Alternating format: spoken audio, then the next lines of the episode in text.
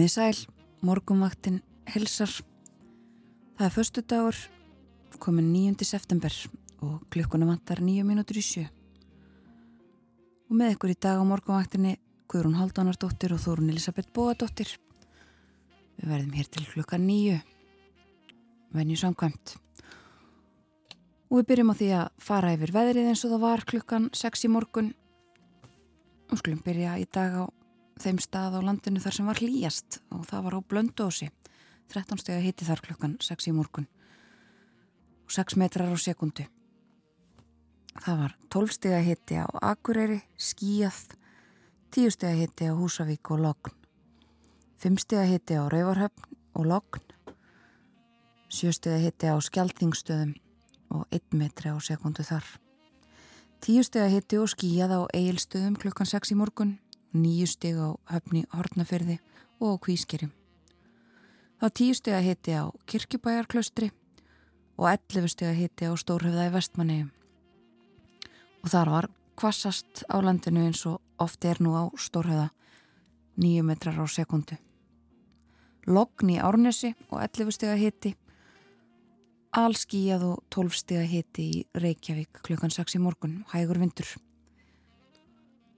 og það var 12 steg að hita á Kvanneri, 11 steg að hiti og lítilsóta regning í stekisólmi. Líka 11 steg að hiti á Patræksferði og í Bólungavík og Hægur Vindur. Og 9 steg að hiti og Logn á Holmavík og svipaðar hita tölur upp á Hálendinu líka. En það er gott viður í kortunum kannski sérstaklega fyrir norðan eða hvað? Guðrún? Já, já, en það eru að verða samt umskipti í veðrinu vegna þess að sko undanfatna daga þá hefur hæðir landi stjórnaveðrinu hjá okkur og vindurinn hefur verið með hægasta móti, það verið ótrúlega lengt og eins og viðfræðingur segir hérna í hugleðingum að við veðustofunar að grófum dráttum hefur ímist verið sólríkt eða þokulótt á landinu En nú er lægð stödd vestur af Reykjanesi og hún sendir úrkomi svæði sitt yfir stóran hluta landsis í dag. Og það er því útleitt fyrir söðaustan eh, átt með rigningu á sunnan og vestanverðurlandinu og hitti verður þar 10-15 stig á þeim slóðum. En á norðausturlandi þar verður veðri best og þar er þurrt og bjart og hitti alltaf 20 stigum í dag. En á morgun er spáð austlæri átt og hægur vindur, ég menna 5-10 metrar á sekundu og lengst af ryggning á sunnaverðarlandinu en skíjað og orðkomi lítið norðan til og hita tölun að fara að þokast niður á við. Innmitt það. Og sunnudag þá er hlýtt, það verður hiti alltaf 17-80 stegum sem sagt uh, sunnan heiða en það kólunar fyrir norðan. Já. Já, svona er þetta að það fer að hausta þó að við hefum fengið um, nánastum alland fallet veður þessa fyrstu september daga. En við minnumst þess á morgunvaktin í dag, eh, minnumst Elisabethar Drottningar sem að lest í gær og eh, skerum okkur þar ekki úr öðrum fjölmjölum, lefið mér að segja. Eh, það er ímislegt á dagskráni þó á morgunvaktinni en við ætlum að hlusta á tónlist, svona öðrum þræði sem að tengist drottningunni og byrjum á að hlusta á lag sem að mun hafa verið í miklu uppáhaldi hjá henni. Það er Veralinn og The White Cliffs of Dover.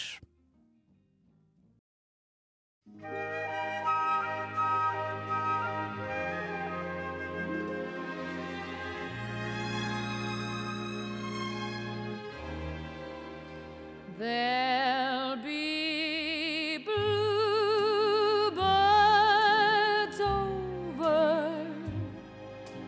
white cliffs of Dover. Tomorrow,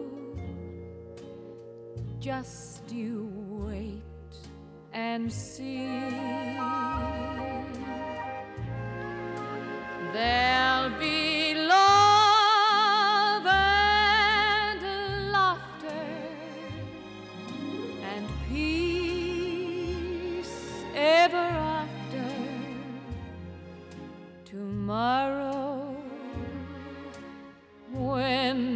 the world is free.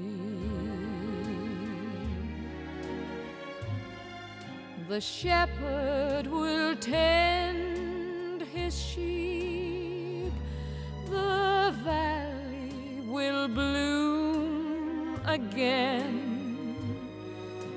And Jimmy will go to sleep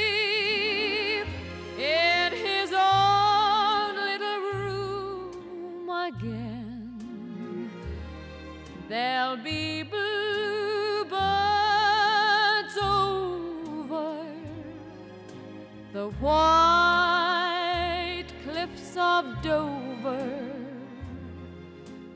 Tomorrow, just you wait and see. The shepherd will tend his sheep, the valley will bloom again, Jimmy will go to sleep in his own little room again.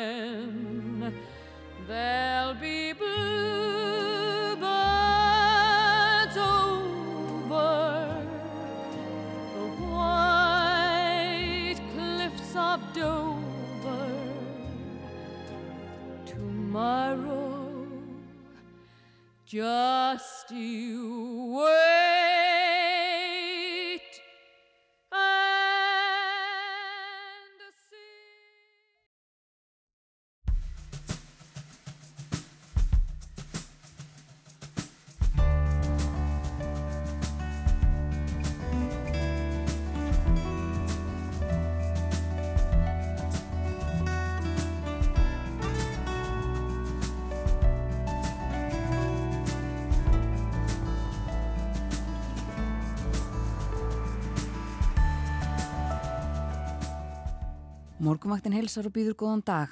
Í dag er förstu dagurinn 9. september. Eins og væntalega hefur ekki farið fram hjá neinum þó lést Elisabeth Englands drottning síðdeis í gær 96 ára aldri. Við ringjum Ingibjörgu Rósu Björnsdóttur Bladamann en hún býr í Edinborg. Og um fjórðungu fólks á vinnumarkaði eru útlettingar og allt stefnir í að hlutfallið eigi bara eftir að hækka. Eitt þeirra fyrirtækja sem hefur leitað eftir sérfræðingum ellendis frá er líftekni fyrirtæki Alvotek. Birna Björnsdóttir sem heldur utanum komið þeirra til Íslands kemur hinga á morguvaktina klukkan halv átta.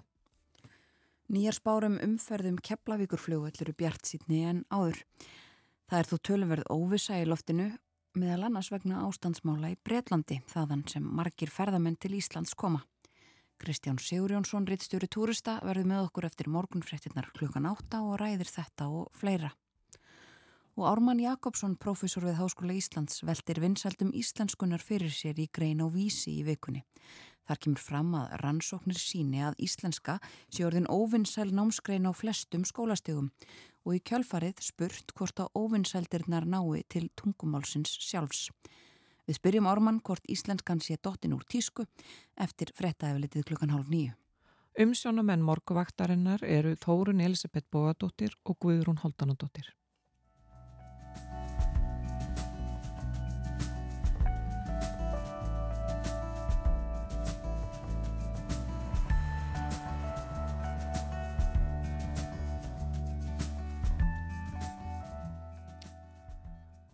Holdanadóttir. Það er búið að vera eh, fínasta veður undafarið og, og það er svo sem svoleiðis áfram. Það er bjart fyrir norðan og það spáða alltaf 20 steg að hitta þar.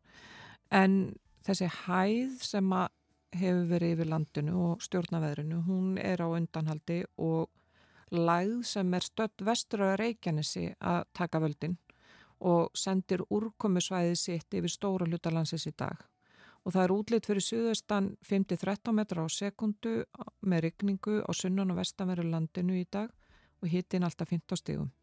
En um landin norðaustanvert verður besta verið eins og áður sagði. Þar verður þurrt og bjart og hitti alltaf 20 stígum en á morgun er spáð austlagri átt við á landinu, hægur vindur 5-10 metrar og lengst af rigning á sunnaveru landinu en skíjað og úrkomi lítið norðan til og hitta tölurna þokast niður á við. En á sunnudag snýst síðan í norðaustan 5-10 metra, skíjað og dáliti vætan norðan og austalands og kólnar á þeim slóðum. en það byrtir upp sunnan heiða og fallegu dagur í vændum þar og hiti alltaf 17 til 18 stig þar sem best lætur. Þannig að þetta er nú bara þetta fína veður áfram. Já. Og uh, það er eiginlega hægt að segja það að það eru blöð uh, um allan heim með söpað stef á fórsýðum sínum.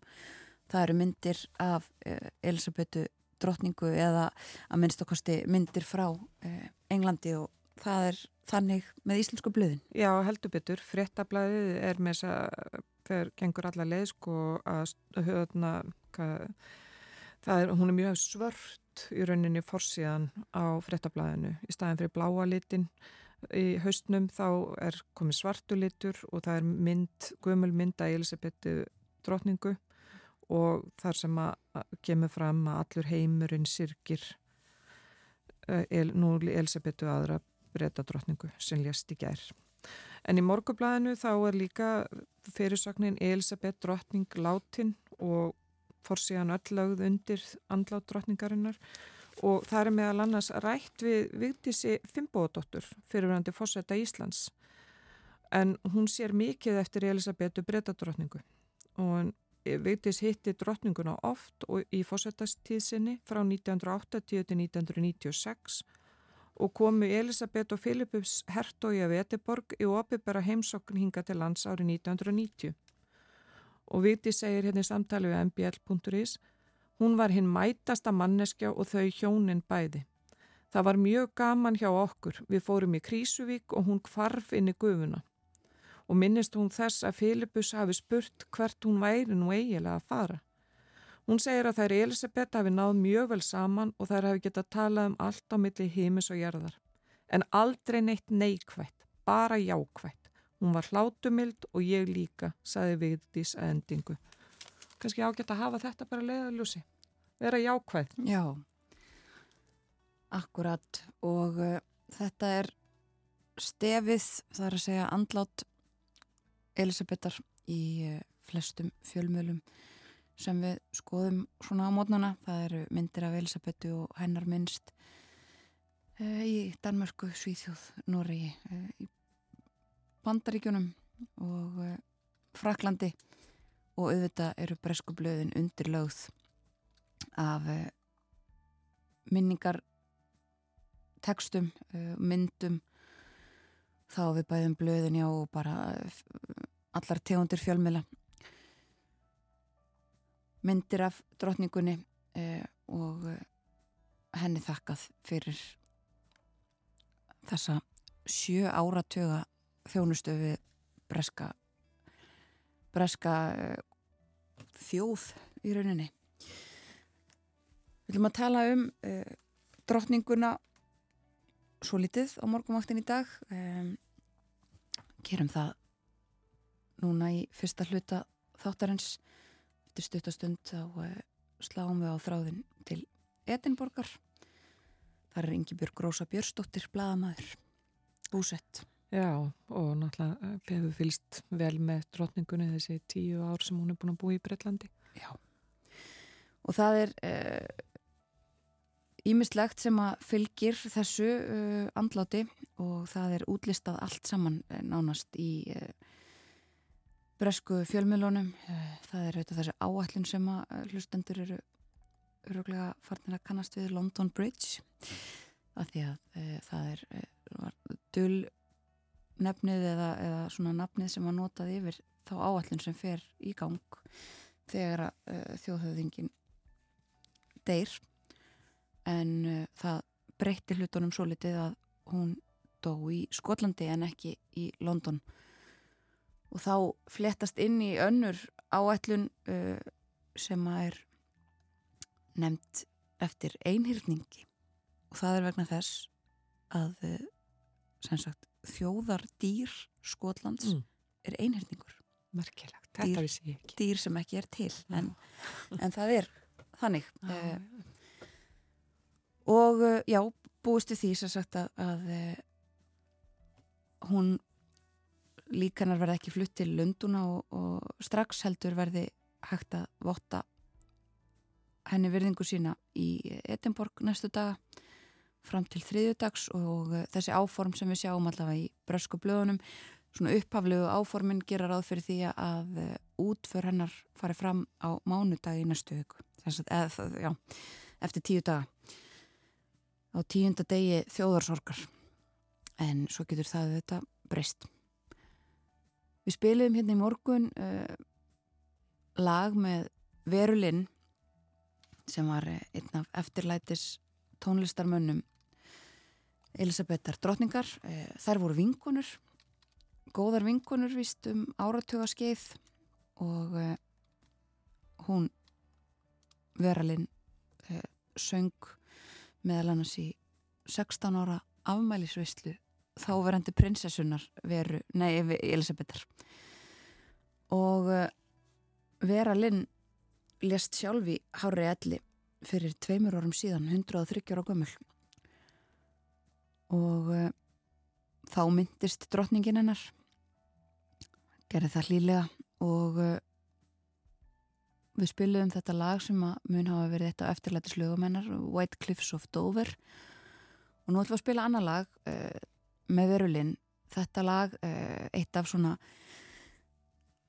þekktustu lögum setni heimstyrjaldarinnar og er mikið spilað í Breitlandi Will Meet Again heitir það og það varð svona mikið uh, til umfjöldunar í Breitlandi áður en að veralinn dó nokkru mánuðum áður þegar að Elisabeth Drottning helt mjög óvenjulegt uh, ávarp. Hún ávarpaði bresku þjóðuna í svona eiginlega upphafi COVID-faraldursins og hughreisti þjóð sína og uh, notaði þessi orð We'll meet again. Heyrum í verulinn.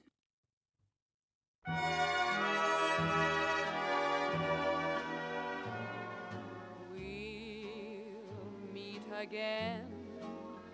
Don't know where, don't know when, but I know we'll meet again some sunny day.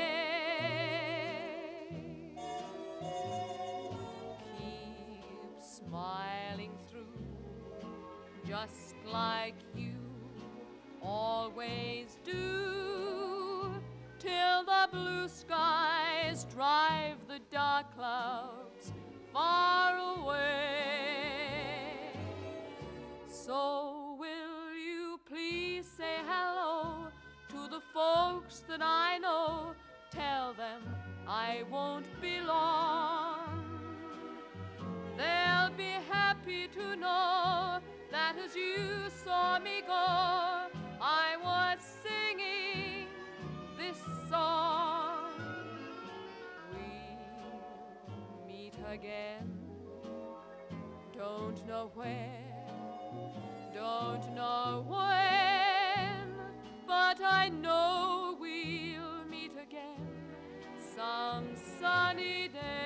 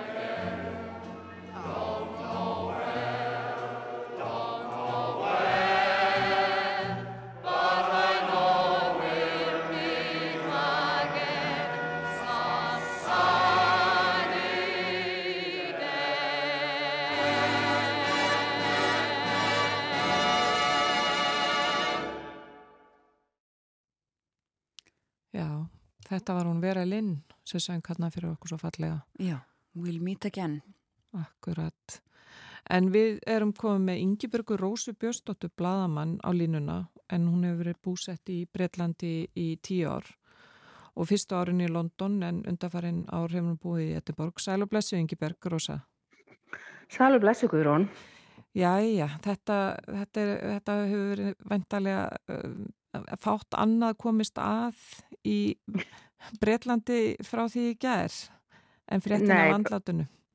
Nei, það er bara e, ekkert annað um, og með þess að áður en það var formulega tilkynnt hérna, það var sett tilkynntin rétt eftir háttegið að, að hún væri veik og, og fjö, það væri búið að kalla til fjölskylduna og þá vissi kona svona hvað væri að gerast það er, e, ég vil eitthvað ekki segja fréttir af heilsu drottningarinnar svona fyrir en kannski eftir á það er sagt, mm. já, hún, hún fór á spítala eða hún var veik eða eitthvað svona, þannig að þetta vissi á eitthvað alvarlegt þannig að, að hérna, ég var bara límt við sjónvarpið. Já, voru ekki uh, þjóðlitnir að uh, BBC komnir í svört fött bara um hátegi? Jú, um, já, þau eru örglega bara að fengið skipunum það og við, við vitum það náttúrulega, við erum bara búin að heimsækja BBC, það, þau hafa alls konar sambönd og vita þau vissu greinlega eitthvað svona undan öllum öðrum sko. Já. Þannig að maður svona vissi þetta og ég var búin að, þú veist, hella mér upp á te og, og kveikja á kerti og hérna var alveg tilbúin fyrir þetta þegar tilkynningin svo kom. Akkurat. Og þú ert í Skotlandi þar sem hún lést. Og Já. Þetta er hennar eftirlæti staður, höllin hennar þar eða ekki? Jú, uh, Balmoral. Já. Það er önnur höll hérna í Edinborg sem heitir Holyrood Palace sem er svona formlega hérna, konungshöllin hér og, og er svona meiri síningarhöll en Balmoral kastalinn var, var algjörlega uppáhaldið hennar og hún ætla að það er náttúrulega ekki annað en að hægt að hérna, el, elska Skotland og skoska náttúru og svona en hérna hún var náttúrulega svo mikil útvistakona og, og hér fekk hún að vera svolítið svona frjáls og, og eða frjálsari heldur hún, hún er eða var fyrir yfir, yfirleitt hérna niður frá í, í Englandi.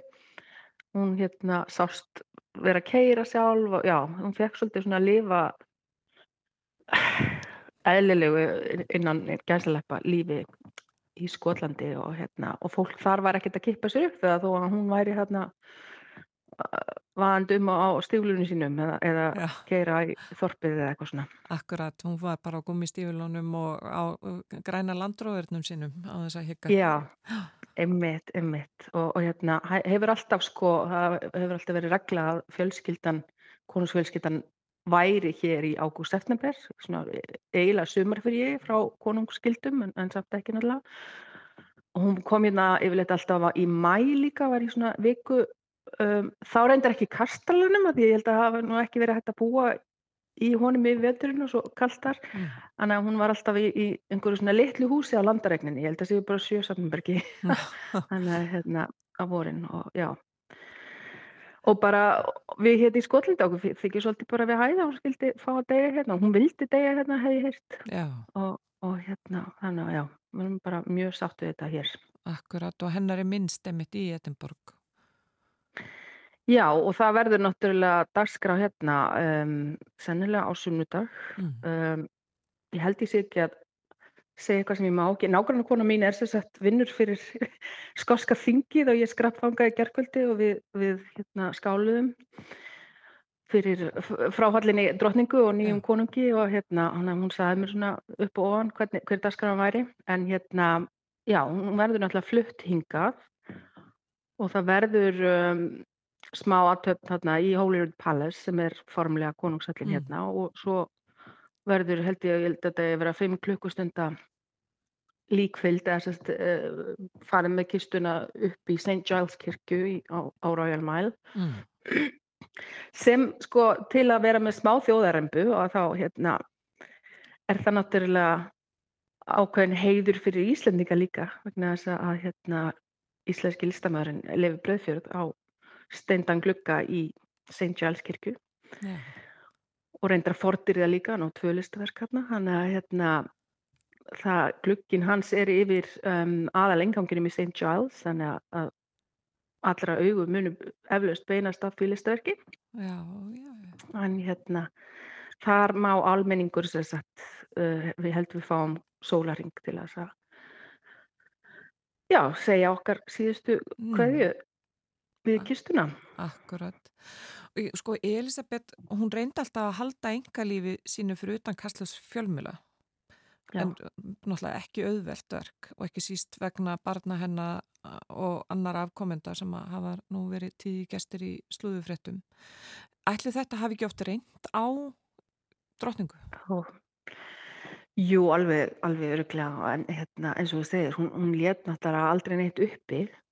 Um, hún, og, og sko, í, já, hva, hversu mikið var að, að hennar bara náttúra eða veist, henni eðlislegt eða hversu mikið var þetta bara hún að stopnunin, maður var að passa upp á þetta. Mm. Um, en jú, auðvitað, ég meina, hún, hún hérna, börninina hafa talað um hana sem, sem mjög góða móður og, og hérna, já, svona mannleg og, og þú veist, auðvitað hefur hún tekið það inn á sig þegar að, ég meina eins og allir foreldrar, hvort sem það er í, í fréttum eða ekki, ef, ef að gengur illa hjá, hjá börnunum eða barnabörnunum og, og hérna er einhverja deilur eða, eða neykslismál í gangi eða eitthvað, eitthvað slæmt, þú veist, Mm. auðvitað þykir alltaf vænt um börnin, en hérna, slúðmiðlarnir í Breitlandi eru svo sem ekkert lamba leika sér við, en þeir hafa alltaf uh, sínt drottningunni sjálfri virðingu og, Já. og hérna svona já, ég er ekki viss um að, að Karl konungur þriði fái, fái kannski ja, mikla svona fríðhelgi frá þeim en, en við höfum eftir að sjá hvernig það kemur út. En aðtúaðu sko að drottningin sjálf, hún er búin að vera við völdi 70 Mm. ár, hún hefur aldrei nokkuð tíma sagt eitthvað eða gert eitthvað sem að hún þyrfti að, að eða vildi byggjast afsökunar á. Hún hefur aldrei stíið feil spór. Það hefur oft verið eitthvað umdeilt þar sem að hvernig hún hefur komið fram og, og fólk var svona reykt í kringum díunu, Já, uh, and, andla díunu og svona en, en hún hefur aldrei gert neitt rámt eða sagt neitt rámt þó að það væri kannski uh, misjafna skoðanur um sko, hvernig hún hef, ætti að koma fram eða hvernig hún ætti að haga sér eða hvað hún ætti að segja, eða hvort hún ætti að segja eitthvað. Hún hefur bara aldrei uh, sagt stigðar yrði í rauninni, sko. alltaf hérna, já, alveg magnað sko, á 70 ára ferli. akkurat. Og hún, hún náttúrulega var líka óskaplega vel liðin af þjóðsenni það, og náttúrulega nær, það nær náttúrulega sko, langt út fyrir landsteina. Já, algjörlega. En ég, ég held að það sé náttúrulega af því að hún var bara svona, var þannig karakter líka, sko. Hún var, ekki, hún var mjög svona mannleg og, og hérna, sagði það var góðan húmor og, og ég held að, að allir sem hitt hana, hv- hversu stutt sem það var, oft við bara einhverja svona ofinbæra aðþafnir, þeir hafi skinnjað eitthvað hjá henni. Allir sögðu að það væri einhver svona hlýja og, og, og svona, já, eitthvað mannlegt sem að, sem að hérna, hún náði að, að kasta á fólk bara á örfa og mínútum. Mm. Þannig að hún hefur alltaf verið velið en þó fólk hafi kannski misjafna skoðanir á, á konungsdæminu eða þess að monarkinu eða, eða hvernig Mm. sem, hvað sem það heitir á íslensku. Sko. En sko eins og þú sagðir, hún hefur verið þjóðhöfðingi 70 ár. Hvernig verður Bretland án Elisabetar? Já, um, hún er náttúrulega, þetta er ekki pólitíst uh, embætti þannig séð, það er svolítið hafið yfir stjórnmálinn hérna uh, en uh, í sjálfur sér ætti það ekki að hafa það mikil áhrif um, þó að það taki önnur manneski við þessu embætti þessu leiðtúa hlutverki um, en veist ég bara veit það ekki. Ég, hún, ég náttúrulega man aldrei eftir einu öðru og, og hérna flest hérna muna bara eh, ekki neitt annað sko og hérna hún hafi verið drottning og þetta verður mjög skrítið, þú veist, við erum að fara það þarf að breyta öllum peningurum það þarf að, þú veist, byrja ég hugsa margir eftir að syngja sko God Save the Queen. Að því að við erum búin að syngja Queen svo lengi sko og hérna þetta verður ég, ég óttast að Karl uh, fái ekki alveg svona eins og ég segi, e, e, eins miklu virðingu eitthvað eða, eða þetta verði eitthvað svona pínu beðtímabil bara þangur til að, að Vilhjálmur tekur við. Já, akkurat. Ég hugsa að þetta opni fyrir svona einhverja meiri gaggríni á, á uh, hvað heitir þetta, monarkið, konungstæmi. Já, en, en þetta verður mjög skrítið, þetta er svona, já, maður maður getur ekki hugsað sér þetta en, en þetta er að gerast og, og hérna ég heyrði einhvern segja að sko vatnum sem auðvitað vona á þessu, hún var á 96 ára og mm. hérna en, en trúðum samt aldrei þetta myndi gerast og, og nú hefur þetta gerst. Akkurat, við erum öll döðleg það er bara svo leis Yngibjörg Rósa Björnsdóttir, takk kærlega fyrir spjallið. Herðu, takk. Sem leiðist bara. Bless, bless Líslands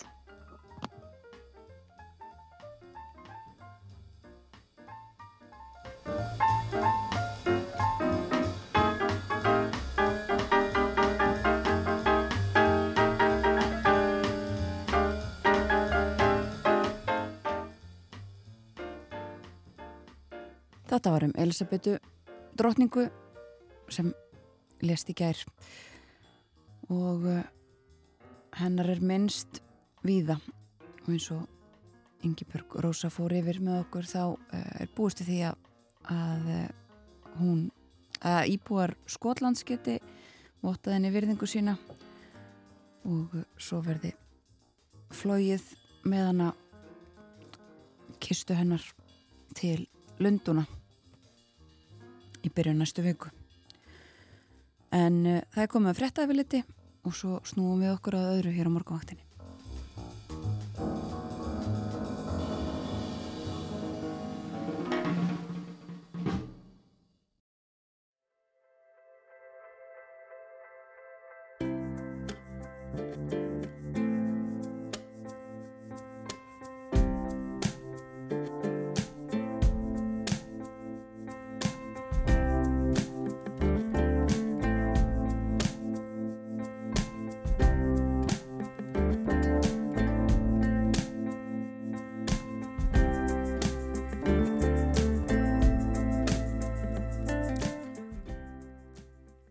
Að hlusta morgunvaktin ára á sitt klukkan orðin rúmlega hálf átta þennan förstudags morgun. Það komi 9. september. Og uh, horfurnar eru þannig að það eru suðaustan 5-13 metrar á sekundu og regning sunnan og vestanlands. Hitið 10-15 stig í dag.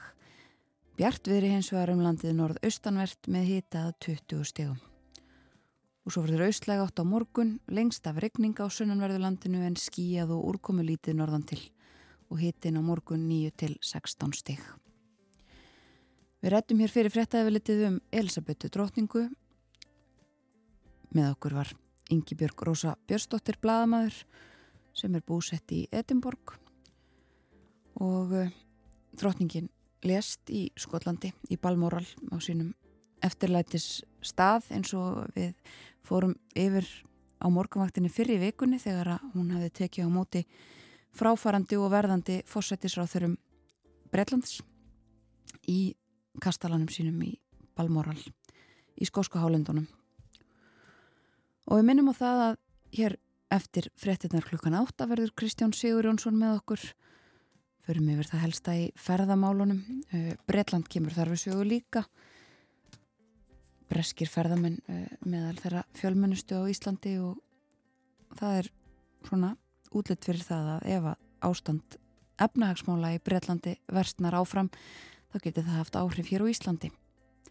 Og undir lokþáttar þá kemur til okkar Ármann Jakobsson, professor í íslenskum bókmyndum fyrri alda. Það maður tala um stöðu íslenskunar. Er hún ofinsæl? Meira um það upp úr klukkan hálf nýju en eh, nú að öðru. Já, við ætlum að tala um ráningar á erlendum, útlendingum hinga til lands eh, til starfa en við fjöllum margar hlýðar uh, útlendingalagana hér á morguvaktin síðustu viku og á fastu daginn fyrir viku síðan að þá voru með okkur Haldur Benjamin Þorbjörnsson, frangatastöri samtaka aðtunulísins og Guðrún Margret Guðmundsdóttir sem að fer með málefni innflytjanda á Alþjóðu sambandi Íslands og það var samdóma álit þeirra að það þyrti að gera fólki auðveldara að koma hinga til lands, flytja til Íslands og starfa hér. Það vantar fólk á vinnumarkað og nú erum fjörðungur þeirra sem eru á íslensku vinnumarkaði útlendingar og Haldur Benjamin segir að allt bendi til þess að það verða 40-50% af vinnumarkaðnum eftir einhverja fá eina áratvíi. En eitt þeirra fyrirtækja sem er með marga útlendinga í, hjá sér í vinnu er Alvotech og Birna Björnsdóttir sem er þjónustu stjóri fyrir útlendinga hjá fyrirtækinu er komin hinga til okkar. Velkomin. Takk fyrir. Svo við byrjum bara á byrjunni Alvotech. Hvað gerir Alvotech? Alvotech er líftekni fyrirtæki sem stopna var 2013 og markmið fyrirtækisins er að auka aðgengi sjúklinga að hágæða lífteknilifjum, lækka lifjaverð og auka lífsgæði þessara sjúklinga. Og þið eru með starfsemi viða en höfustöðunar eru á Íslandi, er það ekki? Já, aðal starfsemin fer hérna fram á Íslandi, bara í Varsmýrinni og erum að stækka óðum. Um, við erum með tæplega 700 starfsmenn hér á Íslandi og alltaf sé ekki svona 47% erlendir starfsmenn. Það er hátt hlutfall. Já. Og Öll framlegslan fer líka fram hjá okkur. Já, já, já, já. Og sko það eru margir sem að kvarta yfir því að það er erfitt að fara í gegnum þetta ferðlið og sækjur um vinnu á Íslandi eftir aðtunulefi og eins þá þarf náttúrulega þetta þarf að gerast í samvinnu aðtunurekandans og viðkomandi. Þið hafið farið þessa leið að þú ert bara sérðum að, að þessi mál hjá fyrirtækinu. Já, það eru tæmlega tvö ár síðan að ég var ráðinn til Alvotek og um, áður var þessu úthýst. Núna er ég sem sagt bara í fullu starfi við að koma þessum erlendu sérfræðingum til landsins og í samvinnu við útlendingastofnun og vinnumálastofnun þá hefur þetta bara gengið rosalega vel. En þetta eru þetta smá flókið ferli. En við erum að ráða til okkar um, í fyrra voru ránir inn 120 erlendir starfsmenn. Og þetta eru, er þetta allt sérfræðingar sem að þið eru að ráða til Já. ykkar? Já. Þannig að þið eru ekki vegna þess að eitt af, eitt af því sem að hefur heyrst er einmitt það að þeir sem að eru að bara sem að eh, fólk er að sækja hér um raunni kannski lálunastörf eða eitthvað þannig mm. að, og það, það sem að ferli gengur svo hægt stundum, um stundum, það er alls ekki alltaf að þá þýðir það að það er bara búið að ráði í stöðuna þegar loksins er búið að ganga frá hlutónum að því að það vanta bara eins og Guðrún Margreit talaði um hérna, þetta er kannski uppvaskara á veitikasta og það er bara mannin, man, manneskjuna vanta núna, ekki eftir þrjárvíkur. Hvað tekur þetta ferli langan tíma í kerfinu fyrir sérfræðinga hjá ykkur? Sko frá ráningu uh, og þar til þeir eru líklega komnir til okkar er þetta svona þrýr til fjórir mánuðir. Uh, ég sé sem sagt um alla pappirsvinnuna með atvinnu og dalalefin og það þarf alls konar pappira, alls konar vottorð til að þetta fari í gegn. Um, það er öruglega aðeins auðveldara því að við erum með sérfræðingana. Mm. Þeir eru mjög, þetta eru mjög sérhæfð störf sem við erum að ráða í. Þannig mann höfum við ekki á Íslandi, þannig að þetta er nokkuð auðsótt en um, það er ekki bara dvalar og aðdunleifin sem að þetta snýst um það eru líka fjölskyldur og, og börn starfsmanna sem er að koma líka til landsins með okkur Og sér þú þá um að aðstofa við uh, húsnæðisleit, uh, skólamál, fyrst, allt frá uh, leikskóla yfir í framhaldsskóla? Eða? Já, ég, ég, ég sé um alls konar Ég hérna myndi halda að það væru svona cirka 60% af fólkin okkar kemur með fjölskyldur og við byrjum á því að setja þau í okkar húsnæði. Við erum með slatta af húsnæði á okkar eigin vegum og þar hefja þau sitt Já, sitt lífa á Íslandi já, bara. Sína döl hér síðan þurfa þau náttúrulega átt að segja á því bara hvar þeir vilja vera og, og hérna hvar þeir vilja búa og í æríkari mæli er ringt í mig núna og mér bóðið langtíma leiguhúsnæði. Alveg tekkar með bara góða starfsmenn og, og eru hér í sérfræði störfum og, og þannig að þetta eru ábyggir leyendur og gott að hafa þá. Þannig að þetta hefur gengið rosa vel mm. en, en kannski væri voða gott að það væri byggt meira. en hvernig ef við förum aðeins í þennan hóp sem að hefur komið hingað. Hvaðan er fólk að koma til að mynda? Stæsti hópurinn okkar kemur frá Índlandi Já. og núna erum við komið með 130 starfsmenn frá Índlandi pluss fjölskyldur þeirra. Þannig að það er allra stæsti hópurinn okkar. Og hvernig gengur þá eins og með, með skóla? Eru krakkar þá að fara í alþjóðlegan skóla hér eða er bara allur gangu þar á? Já, meira og minna krakkar sem koma kannski til landsins þegar eru fjagra, fimm ára þá fara þeir í alþjóðskólan en krakkar sem koma hérna og byrja bara í leikskóla þú veist, tveggja ára eða eitthvað, þeir fara bara beint í almennan grunnskóla, þeir eru farnir að tala íslensku og en bara það vest að er að þá skilja fóröldurinnir eða ekki. en bjóðið aðstóðið þá einmitt fóröldrarna við að komast að læra íslenskuna? Já, já, við bjóðum upp á að þeir geti farið á íslensku námskeið. Og... Já, já. Þannig að. Og er það þá eitthvað íslensku námskeið á vegum fyrirtækisins Birna, eða er þetta bara hjá málaskólanum Mými? Já, þetta hefur meira verið. Við höfum ekki, við höfum reynda að vera með þetta innan hús en þeir eru mjög uppteknir starfsmenninir okkar þannig að það hefur bara verið betra að láta þetta út úr húsi. Já, já. Og eru þá, sagt, þú talar um að það er stór hluti af þessum hóp er, kemur frá Indlandi, er, er þetta engum fólk sem er að koma frá löndum utan evróska efnaðasvæðisins? Það er líklega svona um helmingur. Já að því að aðrir náttúrulega ganga hér sjálfkrafa nánast inn á íslenska vinnumarka þeir eiga all réttindi til þess að sækja hér um vinnu eins og hver annar íslendingur. Já, já, það er miklu auðveldara þá er bara að sækja um kennitölu og ég hef verið aðstofað við það mm. að koma. Fá kennitölu og fara í bankan og opna bankareikning og, og, og slíkt.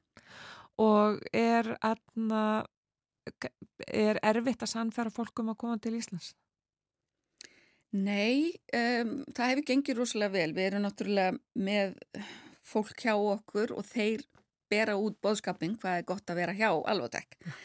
Þannig að, að hérna, þetta er svona mannamanni og mikið af þessu er að koma jafnvel frá sömu livjafyrirtækjónum.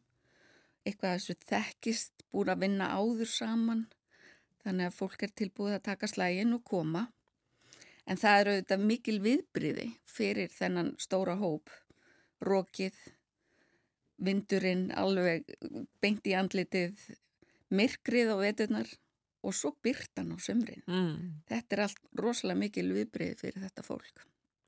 Já, og, og, en er fólk hérna í langa tíma, sagt, þetta er ekki fólk sem er að koma hérna bara í skamman tíma, þetta er fólk sem vil jáfnvel setjast hér alveg að? Já, já, já, við erum að ráða þetta bara í framtíðarstörf. Já. Margir, við erum komið fólk sem er búið að kaupa sér hérna hús og, og eru bara búin að ákveða eiga hér heima. Já. Allir elsti erlendi sérfræðingun sem ekki búin að vera hérna hjá Alvotek í svona 7 ár og það eru bara 13 ár síðan Já. fyrirtækið á stofna. Akkurat.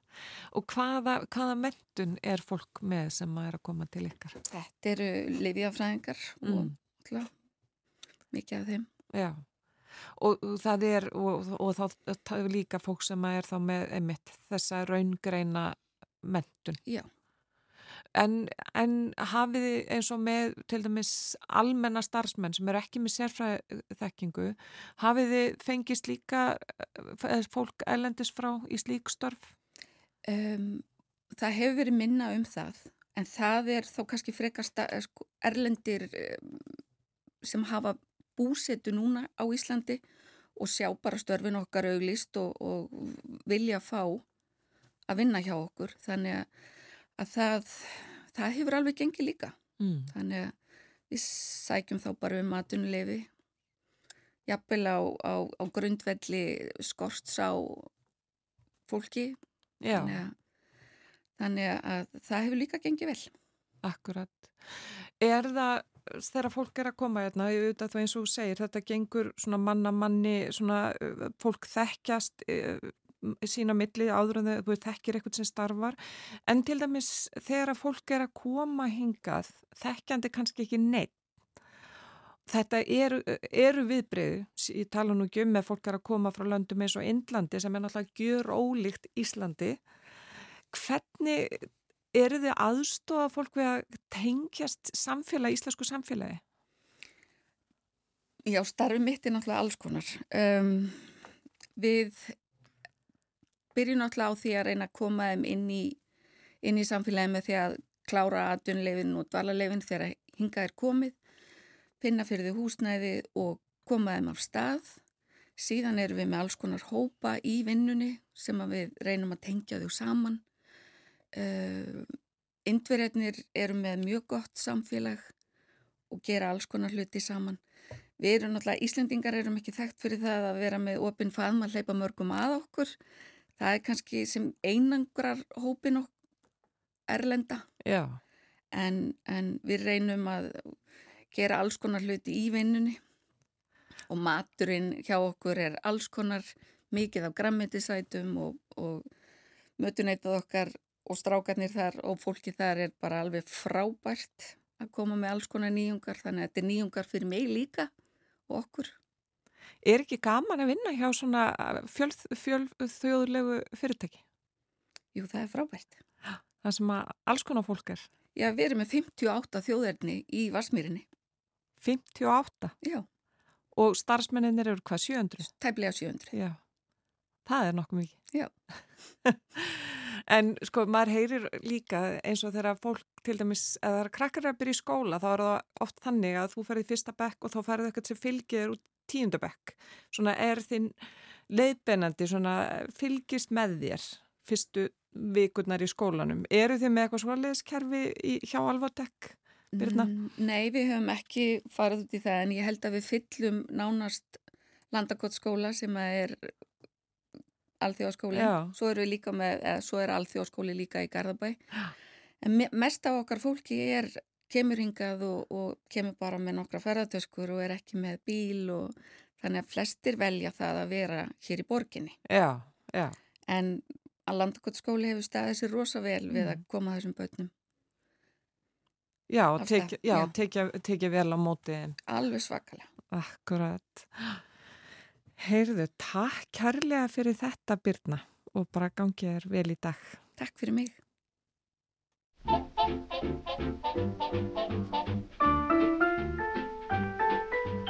Heaven, I'm in heaven And my heart beats so that I can hardly speak and I seem to find the happiness I seek when we're out together dancing cheek to cheek.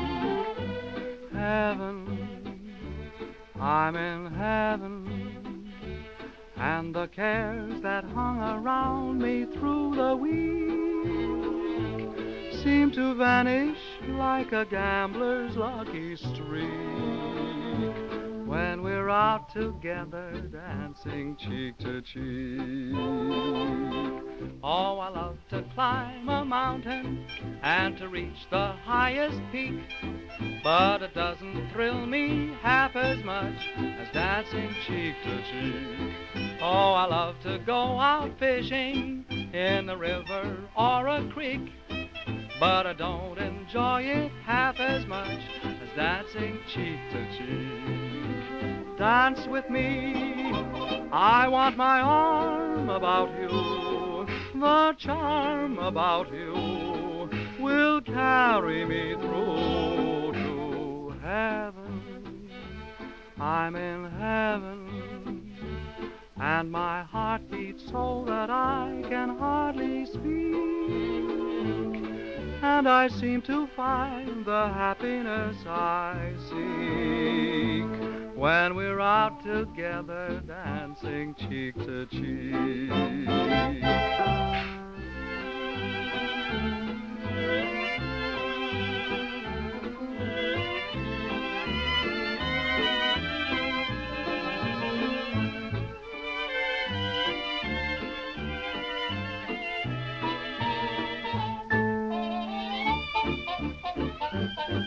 Og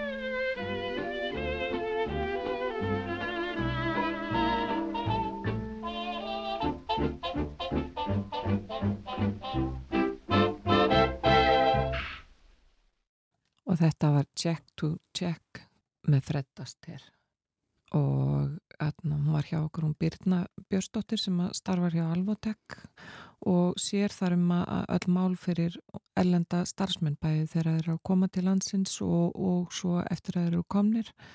Og það er sérst tæplega, já, tæplega 50% af starfsmennum Alvotek á Íslandi eru ellendir og eru frá yfir 50 löndum flestir koma frá Indlandi sem er nú áhugavert að koma alla leið til Íslands til að starfa hér hjá Íslensku lifjafyrirtæki og hún sagt, já, hún sér um all, öll þeirra mál og hvernig, og sagt þá gagvart útlýtikastofnun og vinnumálastofnun og, og eins að koma þeim í húsnæði og aðstofa við skólamál og annað þvíunlegt að því að mjög margir koma að hinga með fjölskylduður Akkurat. Já, uh, fyrir morgun töluðum við um Elisabetu drottningu og uh, það er ótt að fullir að það, það verður gert áfram í fjölmjölum um allan heimnastu daga. Uh, það segir kannski sitt um að svona tíman að tákna að andlátt hennar var tilkynnt á samfélagsmiðlum.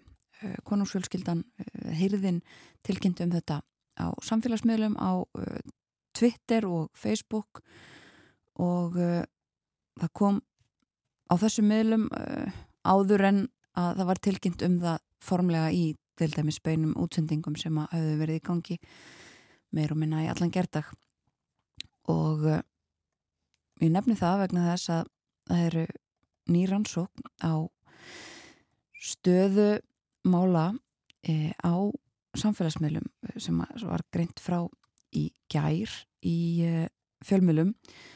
Sagt frá sér Guardian að e, það er þannig að þegar að uh, veður verður öfgakendara þá fjölgar uh, hatursfullum týstum á Twitter. Og uh, þetta er nýra ansók sem var gerð á gríðarlegum fjölda týsta í bandaríkunum þau voru sérstaklega skoðuð með tilliti til staðsetningar. Og það var þannig að, að þegar að það var ákveðið kallt eða ákveðið hlýtt að þá ruku upp hatursfull, uh, rasísk og, og almennt uh, ljót týst og uh, það er svona dæmi um já, alls konar hluti sem að maður veit ekki að verið sé að rannsaka og skoða en svo er. Og sem sagt bandarisk rannsókn á þessu.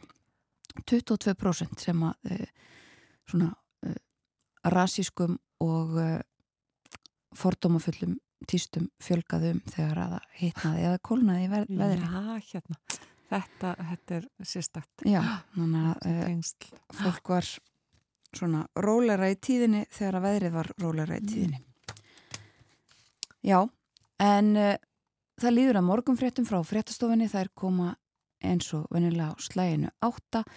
Þar hefur verið fjallað í morgun um uh, auðvitað um stöðumáli í Breitlandi en líka uh, í Úkrænu og þar eru þetta ímislegt að gerast sem að núna kannski fellur í skuggan af þessum tíðundum frá Breitlandi um drotninguna en það er ímislegt annað á segði heiminum þetta og svo í bandaríkjónum líka fjallaðum uh, Steve Bannon sem að uh, gaf sér fram í gær.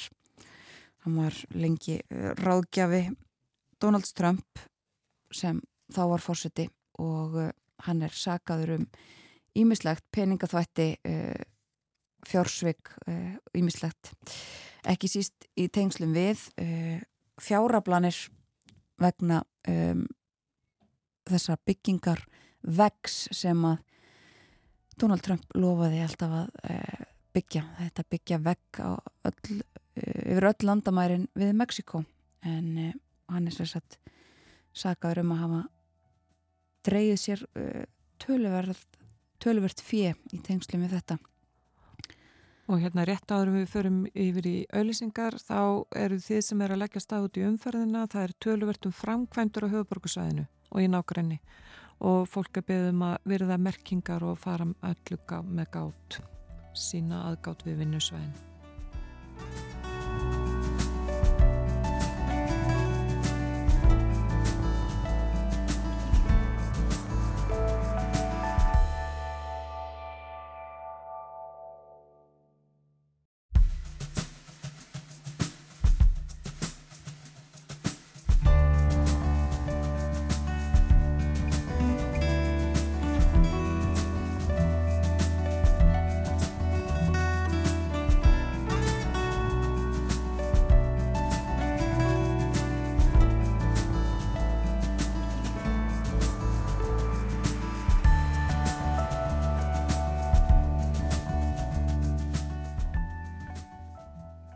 Þeir á hlust á morgunvaktin ára ásikt klukkan 6 minútur tæpar gengin í nýju þennan fastudags morgun og uh, hjá okkur fyrir frettinnar var Birna Björnsdóttir. Hún er þjónustu stjóri fyrir útlendinga hjá Alvotek Alvotek uh, þetta livja tækni fyrirtæki í Vasmýrinni með tæpla 700 starfsmenn þar.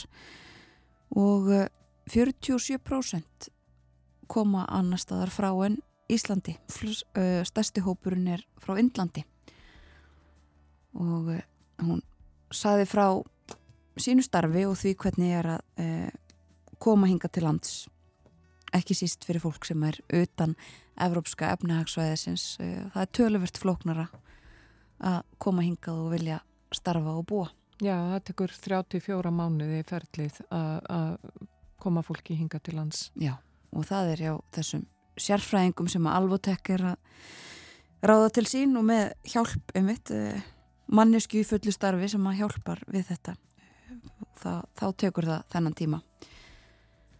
En eh, minnum á það að hér á eftir þá ætlum við að tala um stöðu íslenskunar Ármann Jakobsson, professor, kemur til okkar og ræður um þau mál. Hann skrifaði grein uh, á vísi fyrir vikunni.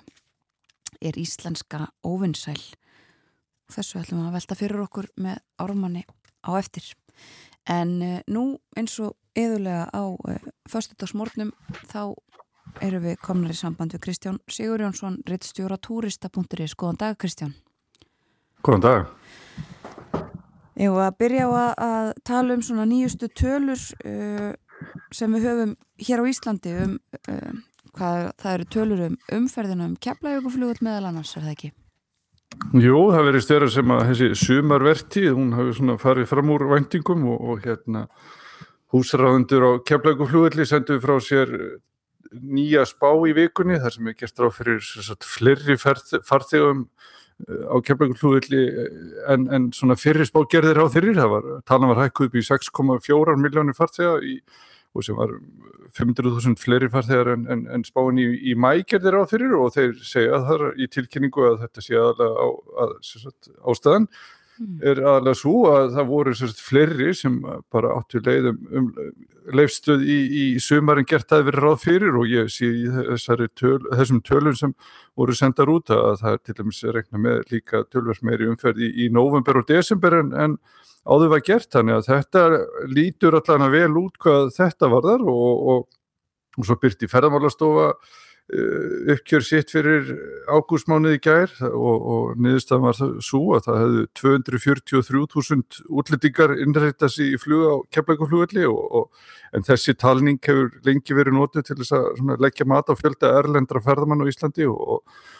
þarna er, er, er umtalsörður hópur eh, sem hefur verið á ferðinni og, og þetta er þess að fjórði besti ágústmánuður síðan að talningar hófust. Já, það var náttúrulega þannig að árunum 2016 til 2018 þá var ferðmannaströmmurinn í sjálfur sér meiri en hann hefur verið í ár þótt hann hafi í sjálfur sér tekið náttúrulega gríðarlega vel vissi nú í vor. Mm -hmm. Emmitt og það er þess að svona aðeins meiri bjart sinni í þessu. En uh, það er samt alltaf, það er óvissa. Bara vegna efnahags ástandsins í heiminum er það ekki? Jú, það er einhver blöðum um það að fletta að það er náttúrulega horfinar í efnahagsmálum eru viða slæmar og ég get bara nefnt sem dæmi að hér í, hér í Svíþjóða þá er eiginlega hver einasti fréttatími hann er hérna, það er komið inn á sérst hækkandi uh, orkuverð. Þannig að það er verið að brína fyrir fólki að leggja jafnveg fyrir og, og þess aftar og það maður sér að þessi umræða er er náttúrulega bara svona í Evrópu, það hefur sífælt verið að tala um hækandi orkuverð og, og hérna það er náttúrulega sennilega dregur nú eitthvað úr áhuga fólks allavega að skuldbynda sér fyrir dýrum ferðalögum akkurat núna, svo kannski letir eitthvað á svona þegar það líður á haustið en, en maður myndir svona halda allavega með við stemmingunum við það núna þá svona séu kannski áhinn eitenda á að, að kaupa sér ferðir svona takmarkar en kannski eðlu árferði. Já Akkurat. Já, óvissan hefur svona sitt að segja bara víða í þessum bransa uh, og það er ekki síst við um sko flugfélögin sem að ákveða auðvitað með svolítum fyrirvara hvernig þau ætla að haga flug áallanum sínum og uh, það er einhver flugfélögur það ekki að, að draga úr Íslandsflugi þessi erlendu. Jú, ég sé að breska EasyJet hefur fækka ferðanu sínum aðeins núna í vetur, félagi gerði ráð fyrir nokkru fleiri ferðum til Íslands sérstaklega frá London í vetur. Eh, núna bara þegar ég kannaði stöðuna í ágúst og svo, svo hvert svona nýri yfirferð þá er búið að fækka ferðanum nokkuð en, en áfram gera EasyJet ráð fyrir mörgum og tíðum ferðum til Íslands frá London, Edinborg og Manchester og Bristol en, en eh, ferðina frá London þær eru aðeins ferri núna en þær voru og, og það er svona spurning hvort að Við sjáum eitthvað meira af þessu þegar hann er dregur að, að flugfélag gerir eitthvað breytingar. Visser sem hefur nú verið stórtætt til dæmis í flýi núna frá Ítalju til Íslands að þar hefur líka eins verið dreyið úr þannig að það ættir svona ekki, ekki í hendi ennþá svo sem að þessar flugáallinni sem eru hafi verið byrtar að það er muni standa. Það er alveg eins líklegt að flugfélag muni samin að flug og, og, og draga eitthvað úr áformum ef það, það verður þannig að, að bókunarstaðan uh, verður slæm. En við skulum samt vona að, að svo verður ekki en, en hérna það er allavega ljóst að það er eh, eins og þessar tölur frá Ísæveki til kynna að það er verið mikið frambóð á flýju til og frá landinu í, í vetur. Já og, og einmitt þó að EasyJet sé að draga aðeins eh, úr áformunum að þá er annað brestfélag að, eh, já, gefa í eða að byrja að fljúa til Íslands eða hvernig er þetta? Nei, það er sem sagt breska lágkjöldarflugfélagi Jet2 sem er rekur líka ferðarskristu og það félag hefur svona verið að bæta í alltaf ferð, ferð, fjölda ferða til Íslands svona yfir vetramánuðina, fljú, fljú ekki til Íslands á sumurinn því að breytar vilja helst fara í stuttarferði til Íslands á, á, yfir, yfir vetramánuðina og þetta félag gerir ráð fyrir sko tíðumferðum í, í, í vetur svona í byrju vetrar og svo aftur í, í janúar, februar og mars til Íslands frá nokkurum breskum borgum og, og félagi var svo tilkynna að sko þar næsta vetur 2023-2024 og þá verða verða sætónum fjöl, fjölga um fjörðungum og þau verða svona 27.000 talsins í vetramanniðina þannig að, að þetta félag finnur allavega greinlega fyrir áhuga að breyta á að, streyma til Íslands í vetramanniðina. Já, akkurat og einmitt já, uh, breytar þetta verið uh, mikilvægir vetrar ferðamenn á Íslandi eins og segir, þeir vilja frekar koma uh, í stuttar helgaferðir. Já, þeir hafa eiginlega bara verið svona hálfgerð uppistaða í, í svona vetrar starfsemi ferðarþjónustunnar, það er bara skýr ferðamenn hafa verið alveg ótrúlega fjölmennir og, og þetta er eiginlega svona Þróun sem hefur átt sér stað síðustu ár, eh, árið 2012-13, þá var í raun og veru engin munur á á fjöldabreyta á Íslandi yfir sumarið eða, eða, eða vetramániðina en, en svo breytist þetta og nú eru miklu fleiri breyta sem kom til Íslands í jáfnveil bara í februar einum í, í, og svo hins vegar í janúar, februar, nei, júni, júli, ágúst til samanbyrða, þannig að það er alveg ótrúlega breyting sem eru orðið síðustu ára og þessari ásóng breyta í vetraferði til Íslands. Akkurat og Jet2 hefur trú á því að, að það verði mikil ásókn í þetta en það eru eh, samt svona kannski einhverjar blikur á lofti hefur verið talað um það var einhver umræðum það í vikunni að að einmitt erfitt efnagast á stand eins og við vorum að nefna á þann að það geti haft sitt að segja og haft áhrif sérstaklega á ferðir breyta til Íslands. Jú, eins og ferðarmálastjóri kom inn á, í, í, á speiklinum í vikunni ja, þá er, svona, er, þessi, er þetta spurningamerki sko, hvort að fólk hafi sjálf sér efn á því að vera að ferðast yfir vetramáðina líka, það fólk er kannski búið að fara í langarferði núna í sumar og, og þá er spurningin sko er, er líka til penningur fyrir stittri ferð í, í vetur. Já, einmitt og það er þetta óvisa í þeim málum rétt eins og öðrum sem við höfum verið að nefna hérna fyrr. Já, við höldum Já. áfram að tala um óvissu bara eins og við gerðum í tvö ári í, í COVID. Já, akkurat. Akkurat, ástæðuna breytast en það er áfram óvissa. Um, en svo er það, sko, það er að koma haust og uh, á veturna þá er líka uh, hópur fólks ímsir við það sem að fara í skíðaferðir. Það er vist ekki gert á sumrin. Nei, nei.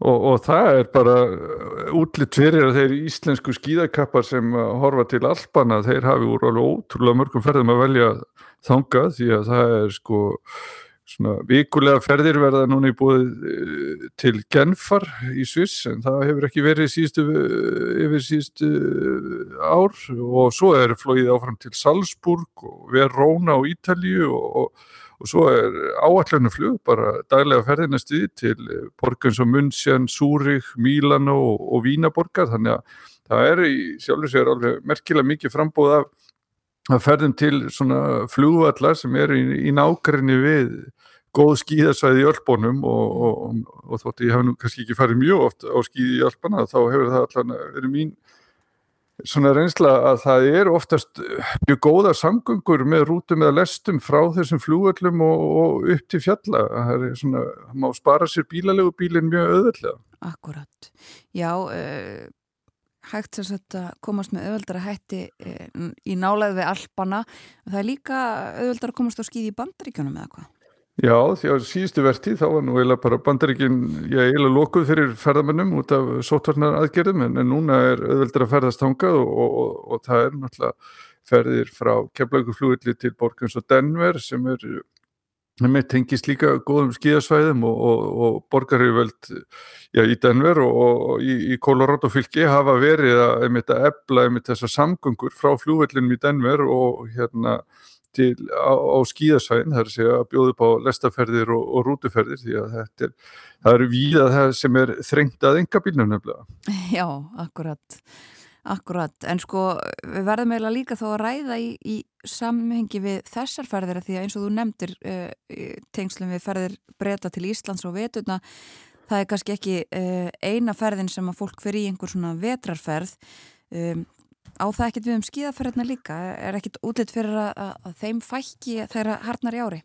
Já, það er nefnilega verið eiginlega spennend að sjá sko því að margar af þessum ferðum eru þessum flugferðum eru eiginlega stílaðar beint inn á íslenska markaðin og, og, og það eru þá íslenski farþegar sem eiga að kaupa all þessi sæti til dæmis til Genfar og Salzburg og Verona og hérna og það verður áhugast að sjá hver verðþróunin verður því að mann gefa okkur svona vísbendingum hvað Íslendingar ætla að vera á ferðinni í, í vetur og, og, svo bætist náttúrulega við þetta frambóða skíðaferðum sko allt þetta flug til uh, Tenerife til dæmis, það er, ég taldi ný, nýverið að það væri um á bóðstólum um 30 bóð, hérna brottfærir frá Keflavík og flugvelli til Tenerife dagana fyrir jól og það er nú engin smá fjöldi sem kemst í, í 30 þóttur, það er um 5.000 manns þannig að það er hérna allavega að rekna með því með hérna, stjórnandi íslenskara flugfélag og ferðarskristu og að Íslendingar hík ekki við að fara í, í, í, í langa skíðaferði eða sólandaferði vetur.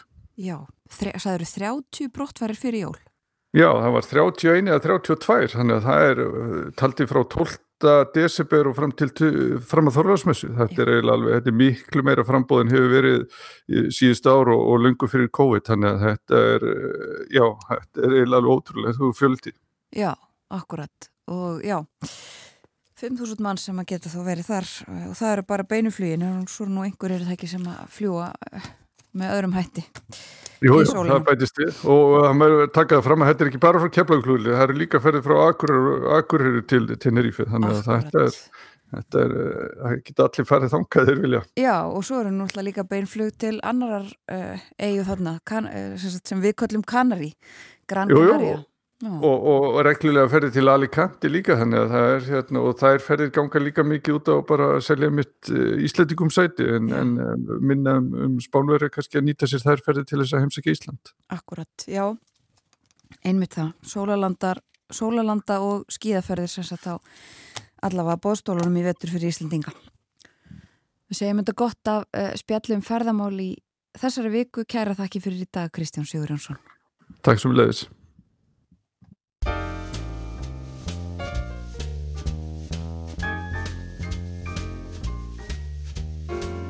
Suðrænum sólskinstegi Ég sá þig og ástinn mín fyrst. Þú settist hjá mér í sandin Það var sungið faðmaðu kyrst Drukkið dansað kyrst Tondilegó, tondilegó Aldrei gleymast mér auðvín svörtu Og aldrei slóu hver gladari hjörtu die.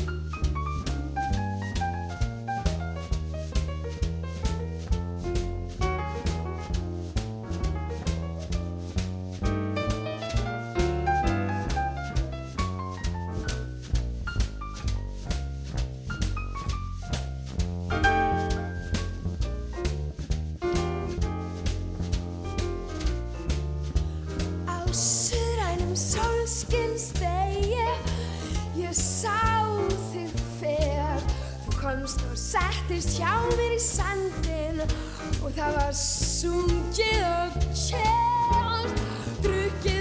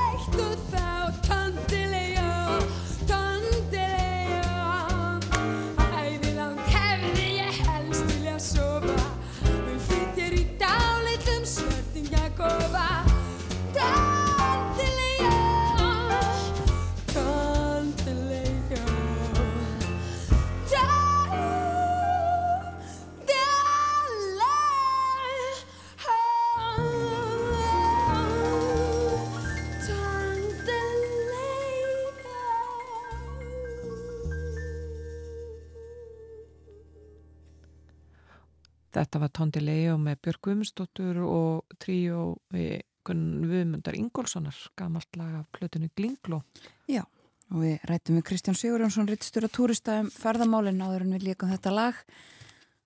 Hann var uh, meðal annars að ræða skíðaferðir það er meira frambúð af uh, flugi til staða svona í nálegð við Alpana og líka auðveldar að komast á skíði í bandaríkjunum heldur en síðustu ár. En svo saðan okkur líka þetta það eru rúmlega 30 ferðir í bóði til uh, Tenerife fyrir jólinn og uh, 30 uh, ferðir þýða að það geti um 5.000 manns komist í sólina um jólinn uh, með þessum þótum um, tölverður fjöldi. Það verður telu íslenska á göttunum í, á eiginni Já, ég hugsa að það sé óhætt að fullir það það en það eru 76 flug sem að fara frá keflaug og flugull í dag, hann saði okkur líka frá spám, bæði nýjum tölum yfir það hvernig uh, hversu margir fóru um keflaug og flugull og hversu margir erlendir ferðamenn voru hér í ágúst og aðeins bjart sínni spár. Hann var líka að segja okkur frá EasyJet og það nefna það því við höfum verið að tala um Elisabethu drotningu hér fyrir morgun að, uh, og það að þetta verður áfram í fréttum næstu daga hennar er minnst á forsýðu EasyJet. Það er út um allt sem að hennar er minnst eh, í dag og næstu daga.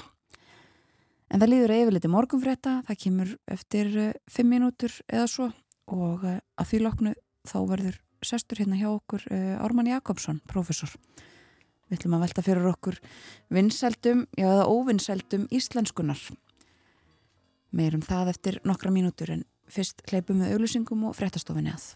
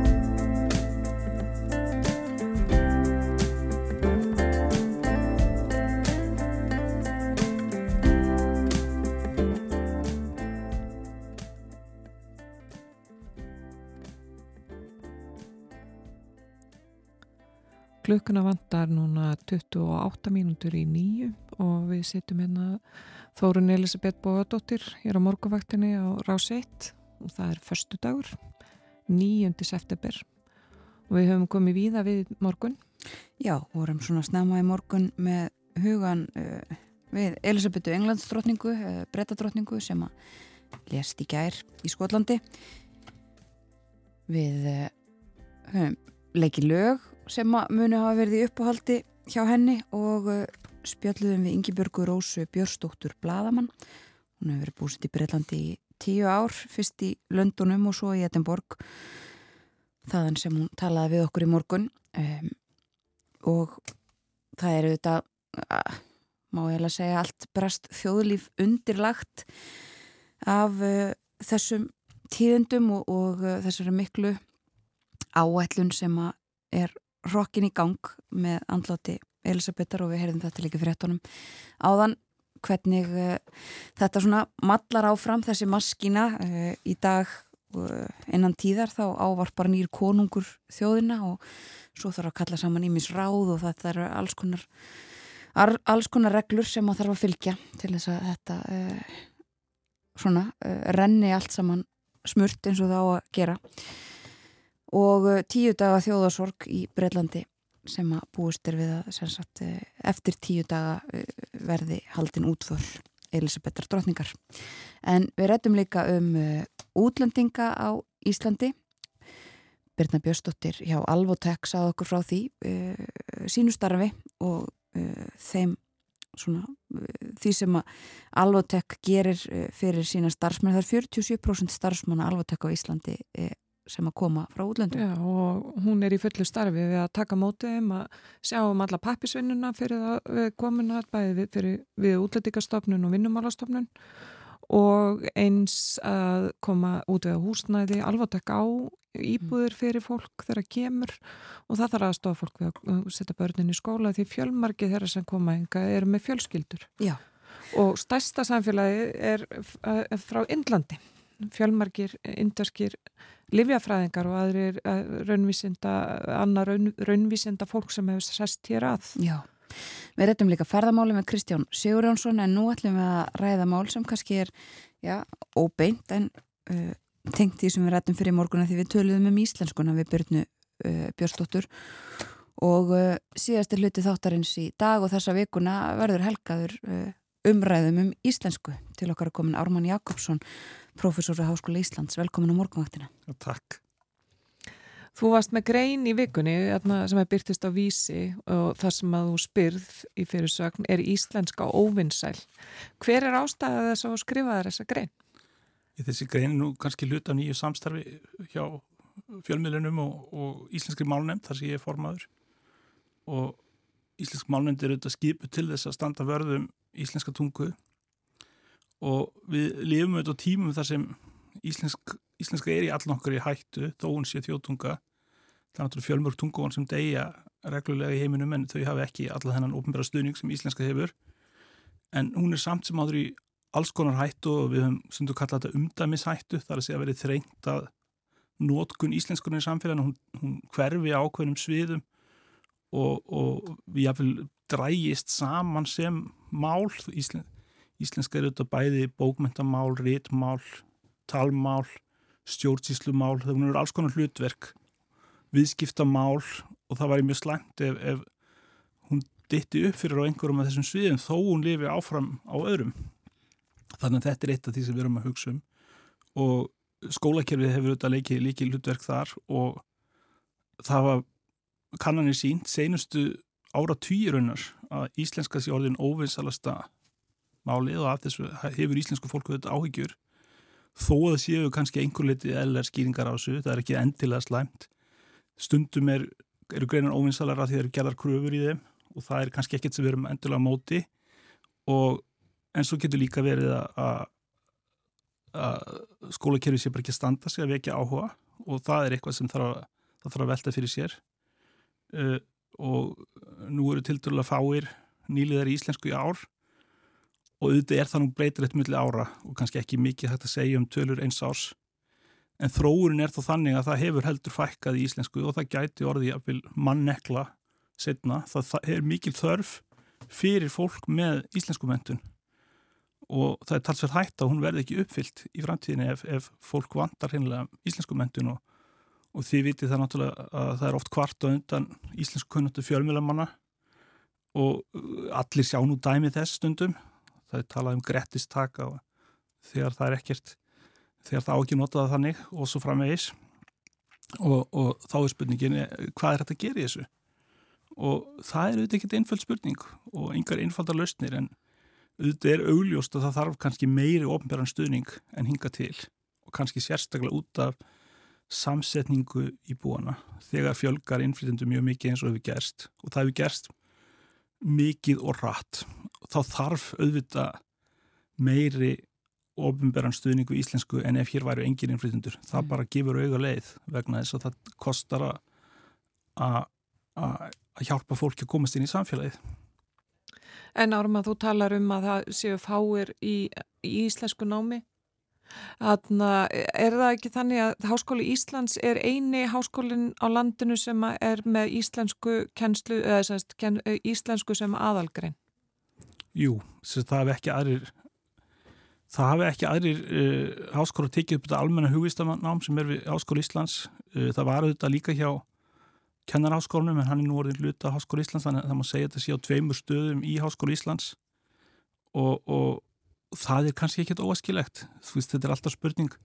Auðvitað hleypur vöxtur í greinar þegar samkeppni kemur og það hefur við séð svolítið með lögfræði og viðskiptanam og fleiri greinar. En, en, en það, er kannski íslensku nám hefur ekki þótt vera nóg mikil fjöðhúa kannski.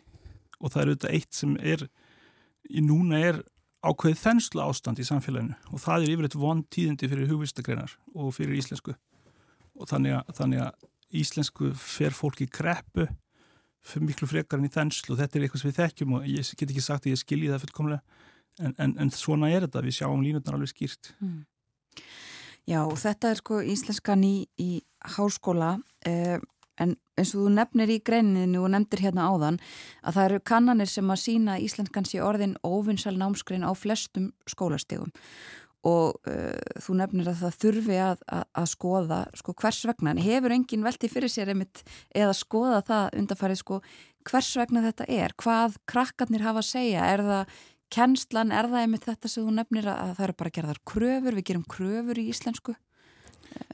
Það hefur verið rannsakað upp Já. að vissu marki og einiðurstæðin er svo að tungumál eins og enska séu tengt við afturrengu og, og leiki og skemmtanir á meðan íslenska er tengt við uh, fyrir kynnslóðir, menningararf, uh, bóð og bönn, reglur, það er sem sagt um, það þykir fólk er hælt fyrir að standa sér vel í erlendum tungumálum en, en á, í íslensku er reikna með að fólk kunnana og, og, og síðan er það dreigið niður eða kannan ekki ná vel.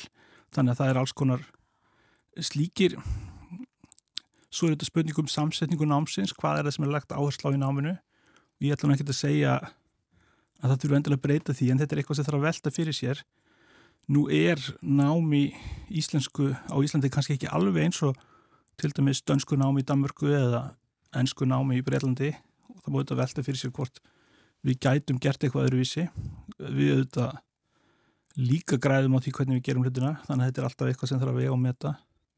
Og það er kannski þú veist, mér finnst einhvern veginn það sem ég vildi leggja áslagu greinin er að það er okkar verkefni í, sem kennum íslensku að gera fólki ákvart gagvartinni og auðvitað er svolítið flókið að umröðum íslenska fer oft fram á þessum fórsendum að henni sé ógnað og henni sé hægt og hún sé að fylgja degi út, það er náttúrulega ekki til þess að að hann ebla vinsaldirinnar þú veist hver vil fara að læra eitthvað degjandi tungumál.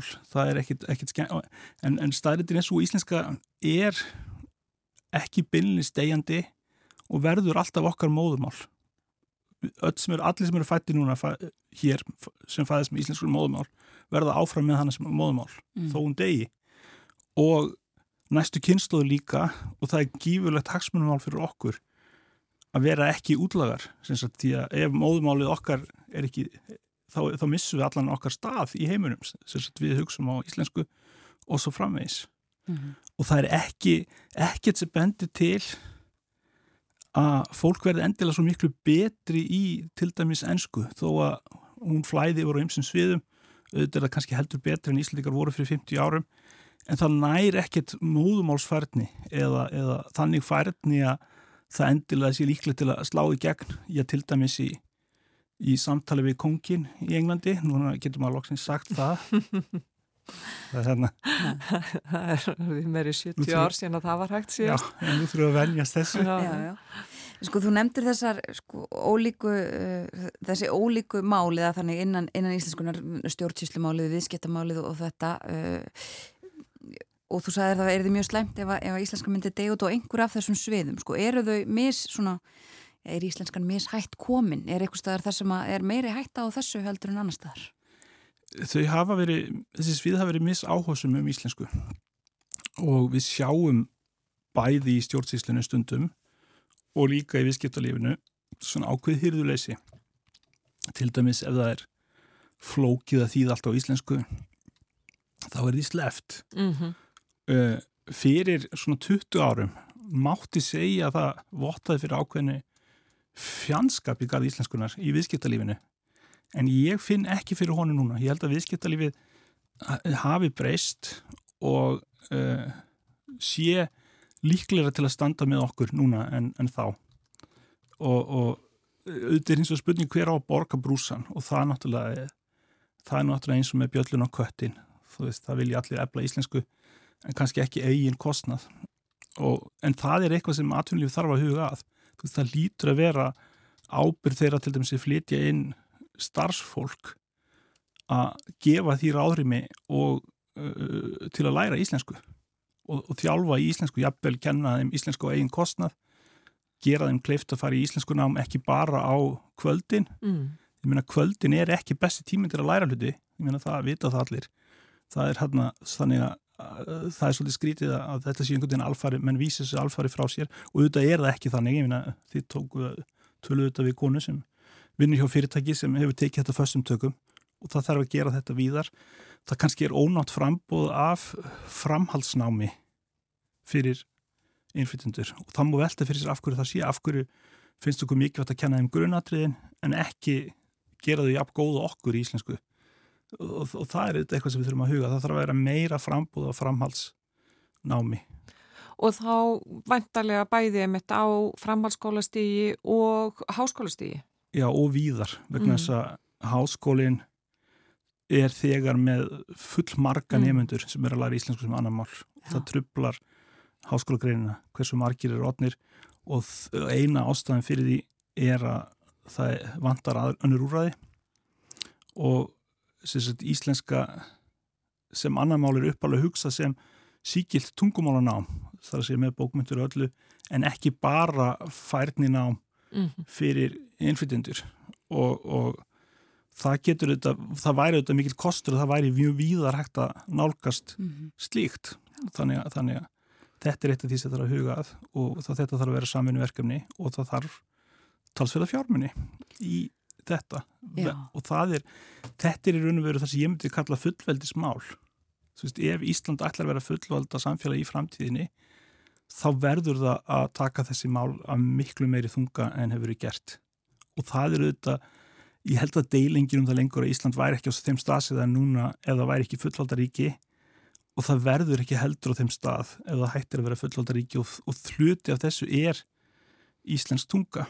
Og auðvitað er ferðarþjónustan hún hefur náttúrulega bólnað mikið út og því fylgja vakstarverkir. Þetta er að mörgluti mjög jákvægt fyrir íslenska menningu. Það er, þú veist, ég mér finnst ferðarþjónastan miklu æskilegri fyrir okkur en til dæmis stórar versmiður. Það sem kannski enginn þarf fyrir, fyrir menn, íslenska menningu eða mentun. En það má samt ekki vera þannig að allt sé á ennsku og það sjáum við svolítið dæmi um, það eru vefsíður uh, alls konar ferðarþjónustu fyrirtækja þar sem er bara ennska notið og ekkert annað. Og, og kannski eðlilega en þetta gengur samt ekki alveg því að þá er hægt á því að fólk komi hinga og fari hérðan og halda þessi bara töluð ennska á Íslandi og það sé ekki tungumál til sem heitir íslenska. Og það er nú kannski ekki þau skilabóð sem við viljum senda okkar ferðamennum Nei, akkurat Já, þú komst inn á þetta aftur núna sem þú nefndir líka uh, í upphafi sem er það að það þurfi meiri ofinbæran stuðning uh, sko, hvernig gæti sá stuðningur litið út eða ætti að vera að þínum að þið? Ég, að, ég held að það sem mest fjármakt þurfi í ögnableikinu er kjensla mm. nýra íslendinga, íslensku kjensla fyrir fólk sem á sér annar móðumál. Það er það sem þar þarf aðal álægið að vera en auðvitað eru fleiri þættir og hefur ofnbæri hefur verið að sinna sumu þeirra miklu betur undanfarið en áður til dæmis batnabókaútgáfu styrkum til bókaútgáfu þetta er allt saman líkilatriði mm. uh, menningarstofnarnir eins og ríkisúttarpið ættu þetta líka að njóta stuðnings og kannski þyrti styrku til fjármjörunar að vera bytni til íslensku þar að segja þú veist til hvers að að styrkja fjölmjöla ef þeir leggja svo enga rægt við íslensku? Og það er spurningum íslenskun efnis hérna afþrengar efnis. Uh, ég sagði nú við ráþrum daginn sem nú eitthvað sem ráþur að vilja ekkert endilega heyra að einhver leiti þurfa líka að vera bóða bönn. Og það er afstofað íslenskra málnefndar að það er því muni eftir bílbeltunum. Fyrst var refsi laust að vera ekki með bílbelti og svo að byrja að sekta og þá voru bílbeltin komin þegar það byrjaði að sekta fyrir að nota þau ekki og þetta þarf að einhver leiti verið þannig og íslensk málnefnd er falið að gera aðtóðsendur við nótkunn ennsku í stað íslensku en það er refsilöst. Mm. Engin, það kostar ekkert að bróta þessi lög og þar að leiðandi eru þau brotin veist, það, það, það er þetta reynilega bara sama og annað að það þurfa að vera einhver viðurlög og auðvitað vilja stjórnmálminn engin viðurlög vegna þess að þetta er ekki til vinstaldafallið en þetta held ég samt að sé eitthvað sem við þurfum að hugsa um í auknum mæli að það sé, þessi hluti séu beinlega spannaðir og, og þessi sekta fyrir þá. Og þetta er auðvitað eitthvað sem menn hafa ekki vilja ræða um í tengslu við menn, menninguna. En nú er refsa fyrir skattalagabrót og er það þannig að skattar séu mjög mikið vægir en íslenska séu mjög ómerkilegt. Og af hverju finnst öllum sjálfsagt að fólk borgi fyrir skattalagabrót en ekki fyrir brot gegn tungumórunu. Þú veist, þetta er eitthvað sem við þurfum virkilega að ræða um þannig að, þannig að það er, þú veist, fólk tala fyrir frelsi en stundum tala það mest fyrir frelsi í málöfnum sem því finnst ekki skipta máli en enginn tala fyrir því frelsi að mann þurfi ekki að skrá sig, mann þurfi ekki að vera með vegabref, mann þurfi ekki að útfita alla sína skýslur þegar þeir stopna fyrirtæki og svo framvegis. Það er ekkit verið að tala um það frelsi eh, vegna þess að þetta eru hluti sem allir vita skiptir máli. Og eins er með byggingarreglugerðir. Það er engin að tala um að, jú reyndar er fólk að tala um það en það er ekki gott. Það er engin að tala um að auka frelsimanna með því að til að svindla á byggingarreglugerðum. Og afhverja á þá fólk að svindla á íslenskunni? Þannig að þetta er eitt af því sem það líka svolítið að hugsa um í framtíðinu og verður ekkit vegna þess að við erum í hálfgeðri uh, baráttu fyrir lífinu. Það er að líf íslenskunar það þarf að berjast meira fyrir því núna en áður og þetta er auðvitað vegna ofurvalds enskunar, ég menna enskan er orðið mjög ráðandi tungumál í heiminum og sumir eru grandalösir gagvart í og þann hátt að þeir held að enska, ef enska sé alltjóðmál sé allir jafnir, en það er alls ekki þannig. Og ég sem hef farið til útlanda ofta að halda erind á ensku, þá er ég að keppa við fólk sem er þjálfað í skóla til að skrifa ensku sem ég er ekki. Mm. og, og við verðum í öðru sæti og, og það er engar líkur á því að við verðum svo góð í ennsku að það breytist eitthvað. Að nota ennskuna sem alltjóðmál það er í raun og verið að lýsa því að vera þjóðir sem hafa ennsku sem móðmál bandar ekki venn breytar, Kanada með Ástrali það er eiga að vera í fyrsta sæti og við hinn eigum að vera í öðru eða jafnvel þriðja sæti. Og, og það, það er ekki endilega svo framtíð sem ég vil sjá fyrir mér Já, það er rauninni kannski hálgerð uppgjöf fyrir okkar eigin þjóttungu. Já, nýlendu stefna mm. og í nýlendu stefna er það alltaf þannig að sumir eru settið frá ofan aðra og menningarlega nýlendu stefna er mjög ísmeileg, þú veist, fólk velur hana, fólk velur erlenda afþreyingu og, og, og, og þar með láta eins og þessi saklaust, en þetta er ekkit saklaust, mm. þetta, þetta er á okk kostnað okkar sem fæðust með íslensku sem móðumál að geta hverki tala tungumálið, jáfnvel ekki okkar eigin landi. En eins og með íslensku kjensluna, uh, er hægt að gera hana þá ef að, jafnvel, skemmtilegri eða eitthvað að gera eitthvað breytingar á því til dæmis í framhalskólum til að hvetja, hvetja krakka áfram? Ég held að það sé hægt, en auðvitað er ég ekki búin að rannsaka það mál nóg vel til að vita nákvæmlega hvað ber að gera. Mjög grun og ég segja þessari greina að það er að leggja meiri áherslu á áhugan en þekkinguna, eða minnst ekki minni áherslu.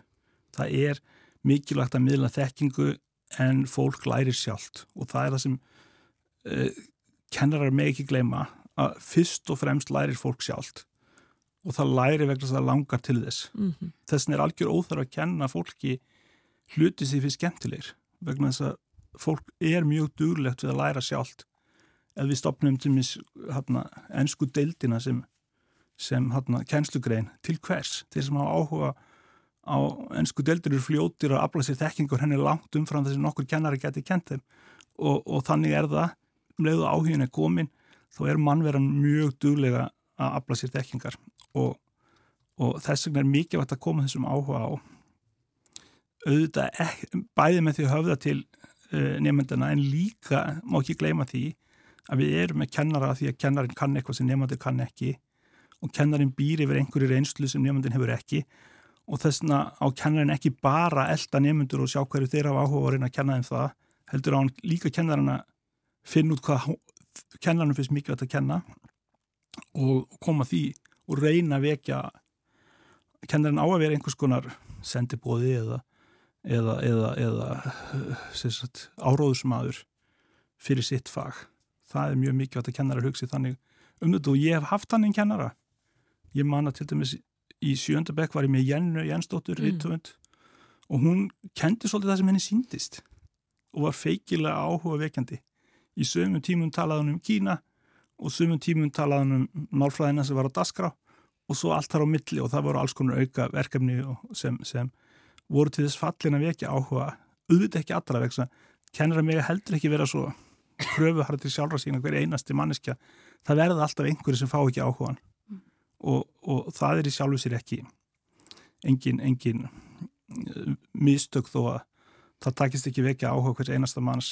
En, en það er mjög mikið að reyna og kannski ekki uh, stundum finnst mér svona fangavarða hlutur ekki svolítið ríkjandi í skólakerfinu að skólakerfi sé fyrst og fremst til til þess að nefnendur sé ekki ánýttast fíknarblöndjöflunum en skólakerfið má nú ekki bara verið til þess. Þó þessi sjálfur sér betra börnin sé í skólastofina á göttunni þá, þá hana, þurfaðu líka að, að mentast eitthvað í þessu og, og, og þess að kennar er ekki bara að vera að passa börnin heldur líka að reyna að gera eitthvað skemmtilegt fyrir þau. Og auðvitað eru kennar að reyna það út um allt. En kannski er það ekki nóg samfélagslega viðkjönd Það er kannski bara að vera stefn okkar að gera íslenskuna vinsela. Ármann Jakobsson, prófessor við Háskóli Íslands, takk kærlega fyrir komuna. Takk. Og með þessu líkur morgunvaktinni í dag og þessa vikuna. Við höfum staðið hér vaktina í dag, Guðrún Haldunardóttir og Þórun Elisabeth Bóadóttir. Morgunvaktin verður á sínum staði næstu viku. Við bjóðum góðan dag klokkan tímyndur í sjö eða svo á mánudags morgun. Þó ætlum við að uh, meðal annars velta fyrir okkur sænsku kostningunum. Það eru kostningar þar á sunnudag 11. september við ræðum þær og niðurstöður þeirra á mánudag. En við þökkum samfélgina í dag og þessa viku. Góða helgi. Verðið sæl.